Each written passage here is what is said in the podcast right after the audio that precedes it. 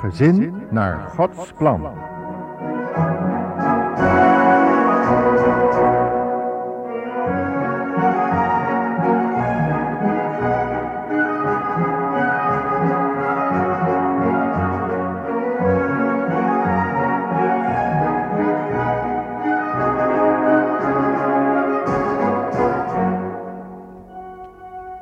Welkom luisteraar weer in ons eh, programma Gezin naar Gods plan. Kan het soms allemaal moeilijk zijn in een gezin? Lastige kinderen, een man of een vrouw die niet trouw is. Je kan je soms zo verschrikkelijk alleen voelen. Misschien bent u wel heel erg verdrietig op dit moment. Dan hebben wij vandaag een boodschap voor u. Een boodschap vanuit de hemel. Niet dat wij als programmamakers zo belangrijk zijn. Wij zijn maar een medium, een tong. Of zoals Johannes de Doper het zei in de woestijn, een stem van de roepende in de woestijn. Iemand die de weg voor de Heer Jezus mag ruim baan maken, effenen. Waarschijnlijk zit u met een aantal problemen waar niemand u mee kan helpen. Maar God heeft de Heer Jezus gegeven. En in ons vorige programma hebben we die belangrijke tekst, die u eigenlijk uit uw hoofd zou moeten leren, uit Johannes 3, vers 16 gelezen. Want al zo lief had God de wereld, dat Hij zijn enig geboren zoon gegeven heeft, opdat een ieder die in Hem gelooft niet verloren gaat, maar eeuwig leven hebben. Ja, want ieder die niet gelooft, die ervaart het oordeel wat God over deze wereld heeft uitgesproken, maar nog niet ten volle tot uitvoering heeft gebracht. We zien om ons heen het verderf met rassenschreden naderbij komen. Overal zien we het verval intreden doen. Ook onder de mensen. De moraal wordt steeds minder. Steeds sneller wordt er naar een schietwapen gegrepen en steeds meer wordt met het lijf en goed van anderen wordt misbruik van gemaakt en wordt geroofd wat er voor de hand ligt. Ja, deze wereld loopt op zijn eind, zei de Heer Jezus. Maar hebt goede moed, ik heb die wereld overwonnen. Zo bemoedigde hij een ieder die de Heer Jezus heeft aangenomen als zijn persoonlijke verlosser en heiland en Heer. En over dat laatste daar willen we het juist samen in deze uitzending over hebben. In een vorige uitzending hadden we het over het woordje wedergeboorte. Als u nu een Bijbel bij de hand heeft, dan wil ik u samen met u toch nog eens dat woordje wedergeboorte samen belichten. Maar dan eerst nog een tekst over dat komen van de Heer Jezus.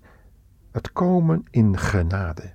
De Heer Jezus die zijn heerlijkheid in de hemel heeft willen verlaten om op een vervloekte aarde, een aarde die onder de vloek ligt door de ongehoorzaamheid van de mensen, om daar zijn voeten op te zetten, om geboren te worden in een stal en om zich te laten kruisigen, te laten bespotten, om een doornenkroon op zijn hoofd te laten zetten, om het zweepslagen het bloed uit zijn huid te laten slaan. En hij zei er niets van. Hoe is het toch mogelijk? God, de God van hemel en aarde, die in de Heer Jezus gestalte heeft aangenomen. Want van de Heer Jezus staat geschreven in 1 Timotheus 3, vers 16, dat Hij, God, geopenbaard in het vlees was. Maar dat is iets heel bijzonders. Daar kunnen we met ons verstand niet bij. En daarom wil ik iets voorlezen uit de brief aan Titus. Paulus heeft dat ook heel diep ervaren wat dat voor de Heer Jezus moet geweest zijn om vlees en bloed aan te nemen. Hij zegt daar in Titus 3, vers 11, nee, ik vergis me beste luisteraar, het is Titus 2, vers 11. Daar staat, want de zaligmakende genade van God is verschenen aan alle mensen. Zie je wel, er is niemand uitgezonderd. De genade van God die geldt voor iedereen. Dus ook voor u, wie u ook bent en in wat voor grote moeilijkheden u zichzelf misschien ook wel heeft ingewerkt. De genade van God die zalig wil maken, behouden wil, die u wil verlossen van al die problemen en de zonden die daaraan ter grondslag liggen, die is verschenen aan alle mensen, niet één uitgezonderd. En dan staat daarbij, die genade van God die onderwijst ons dat wij de goddeloosheid en de wereldse begeerlijkheden achter ons zullen laten, dat we daar afscheid van zullen nemen en dan matig en rechtvaardig en godvruchtig zullen leven in deze tegenwoordige wereld, terwijl we dan die zalige hoop hebben op de verschijning van de heerlijkheid van die grote God en zaligmaker Jezus Christus. Ook hier wordt de Heer Jezus weer de grote God en zaligmaker genoemd. Er is maar één God, er zijn geen twee goden. Maar de Heer Jezus is God, geopenbaard in het vlees. Hij is die heerlijkheid van God, die Mozes zo graag wilde zien toen hij op de berg was en met God sprak. Ik zal je mijn goedheid laten zien. Die zal ik aan je voorbij laten gaan. Maar niemand kan mijn heerlijkheid zien zonder te sterven. Daarom zal ik je mijn goedheid laten zien.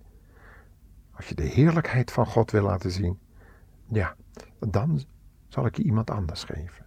Dat is de Heer Jezus. In het oude verbond, in het Oude Testament, wordt de Heer Jezus de engel van de Heer genoemd. Dat is iets heel bijzonders. En daarom lees ik ook nog een tekst voor uit Titus 3. Titus 3, vers 4. Daar, nadat uh, Paulus aan Titus heeft duidelijk gemaakt dat ook wij allemaal onwijs waren en ongehoorzaam, dwalend en allerlei begeerten en wellusten dienend, dat we in boosheid en nijdigheid leven en hatelijk zijn en elkaar haten. Nou, doe de televisie aan of kijk dichterbij, kijk om je heen, hoe de buren met elkaar omgaan en misschien wel in uw eigen huis. Kijk naar uw kinderen. Ja, dat waren wij ook. Dat zit in ons aller hart. Maar, zegt hij dan, Titus 3, vers 4, wanneer de goede tierenheid van God, onze zaligmaker, en zijn liefde tot de mensen verschenen is, heeft hij ons zalig gemaakt. Niet uit de werken van rechtvaardigheid die wij zouden gedaan hebben, maar naar zijn barmhartigheid, door het pad van de wedergeboorte, heb je dat woord weer, en de vernieuwing van de Heilige Geest. En dat heeft hij rijkelijk over ons uitgegoten door Jezus Christus, onze zaligmaker, zodat we gerechtvaardigd zijn door genade, zijn genade. En dan worden we erfgenamen naar de hoop van het eeuwige leven. Maar dat is geweldig. Dat is geweldig nieuws. En daar moet over gezongen worden, beste luisteraar. Dat zal ik u zo dadelijk laten horen. Wat een geweldige boodschap. Daar moeten we over zingen.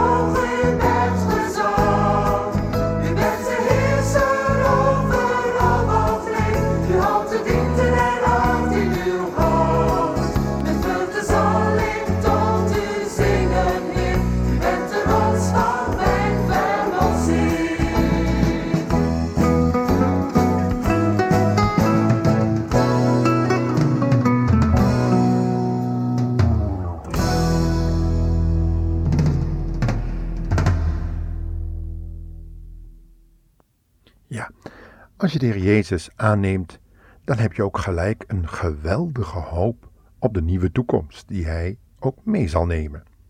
Als Hij in je hart komt wonen, dan is er ook een heel nieuw leven in je gekomen. En het wordt van vanzelf zichtbaar. Net als bij de gewone geboorte, waaraan normaal gesproken negen maanden aan vooraf gaan, negen maanden van ontwikkeling van een heel nieuw leven, en dan, als het nieuwe leven zichtbaar is geworden, dan ga je geboortekaartjes versturen, nietwaar? Niet eerder. En zo komt er een moment, vanaf het moment dat wij de Heer Jezus in ons hart hebben toegelaten en Hem de autoriteit over ons hele leven heeft gegeven, dat ook dat nieuwe leven naar buiten breekt. Dat je er niet meer over kan zwijgen en dat je het ook in je handel en wandel laat zien dan wordt het de ander duidelijk dat je een nieuw leven hebt gekregen. Een nieuw begin, een goede toekomst en een enorme hoop op een nieuwe hemel en een nieuwe aarde en jouw aandeel daarin. Dat noemt de Bijbel het in bezit nemen van de erfenis die in de hemel bewaard is voor een ieder die in de Heer Jezus gelooft. Er was eens een keer een uh, apostel, hij was Johannes, die ook dat die heerlijke woorden over de wedergeboorte gesproken heeft, en die werd vanwege zijn geloof op een eenzaam eiland Patmos gezet. En terwijl hij daar zo zat en eigenlijk een beetje gedeprimeerd was, werd hij in de geest door God op de dag van de wederkomst van Jezus gezet. Hij zag daar allerlei dingen gebeuren die hij mocht opschrijven in een boek.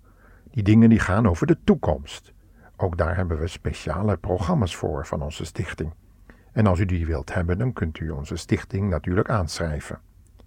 Dat is maar even ertussendoor. Maar toen Johannes daar die hemel geopend zag en daar die geweldige boekrol waarin die toekomstige dingen stonden opgetekend zag ontvouwen, toen hoorde hij ook dat er brieven geschreven moesten worden naar de zeven gemeenten in Klein-Azië. En een van die gemeenten die dacht dat het allemaal wel heel erg goed was met hen. Ze waren rijk en ze hadden het heel erg goed. Ze zaten als het ware in goede doen en uh, het ging allemaal maatschappelijk prima. Die gemeente heette Laodicea. En Johannes moest die woorden opschrijven die God hem dicteerde en die woorden zal ik u voorlezen. Dit zijn de woorden van Hem die bevestigt de getrouwe en oprechte getuige, het begin van Gods schepping. Ik weet uw doen en laten, en ik weet dat je niet koud en niet warm bent. Was je maar koud of warm. Maar nu u lauw bent, word ik misselijk van u. Ik zal u uitspugen. U zegt dat u rijk bent en niets tekort komt, maar u zegt helemaal niet dat u geestelijk er ellendig aan toe bent. U bent arm, blind en naakt nu geef ik u de raad om goud van mij te kopen, wat in het vuur gezuiverd is. Dan pas zult u rijk worden. En koop witte kleren van mij, zodat u niet naakt bent en u niet hoeft te schamen. En koop ook ogenzalf en smeer dat op uw ogen, zodat u kunt zien. Ik ben heel streng voor de mensen die ik lief heb. Ik straf u net zo lang totdat u niet meer onverschillig bent en tot inkeer komt. Luister. Ik klop op de deur. Als iemand mij hoort en de deur open doet, zal ik bij hem binnenkomen. En dan zullen we samen eten, hij met mij en ik met hem. En wie overwint, mag bij mij op de troon zitten. Want ik heb zelf ook overwonnen en ben bij mijn vader op de troon gaan zitten. Als u oren hebt, luister dan naar wat de geest tegen de gemeenten zegt. Dat zijn heel ernstige woorden, luisteraar. En in een volgend programma zullen we daar zeker op verder ingaan. Want het gaat op die, om die klop op de deur. Vandaag spreekt de Heer Jezus tot uw geweten. Doe de deur van uw hart open en laat Hem binnen. En luister ook naar het volgende programma. wat er dan allemaal gaat gebeuren.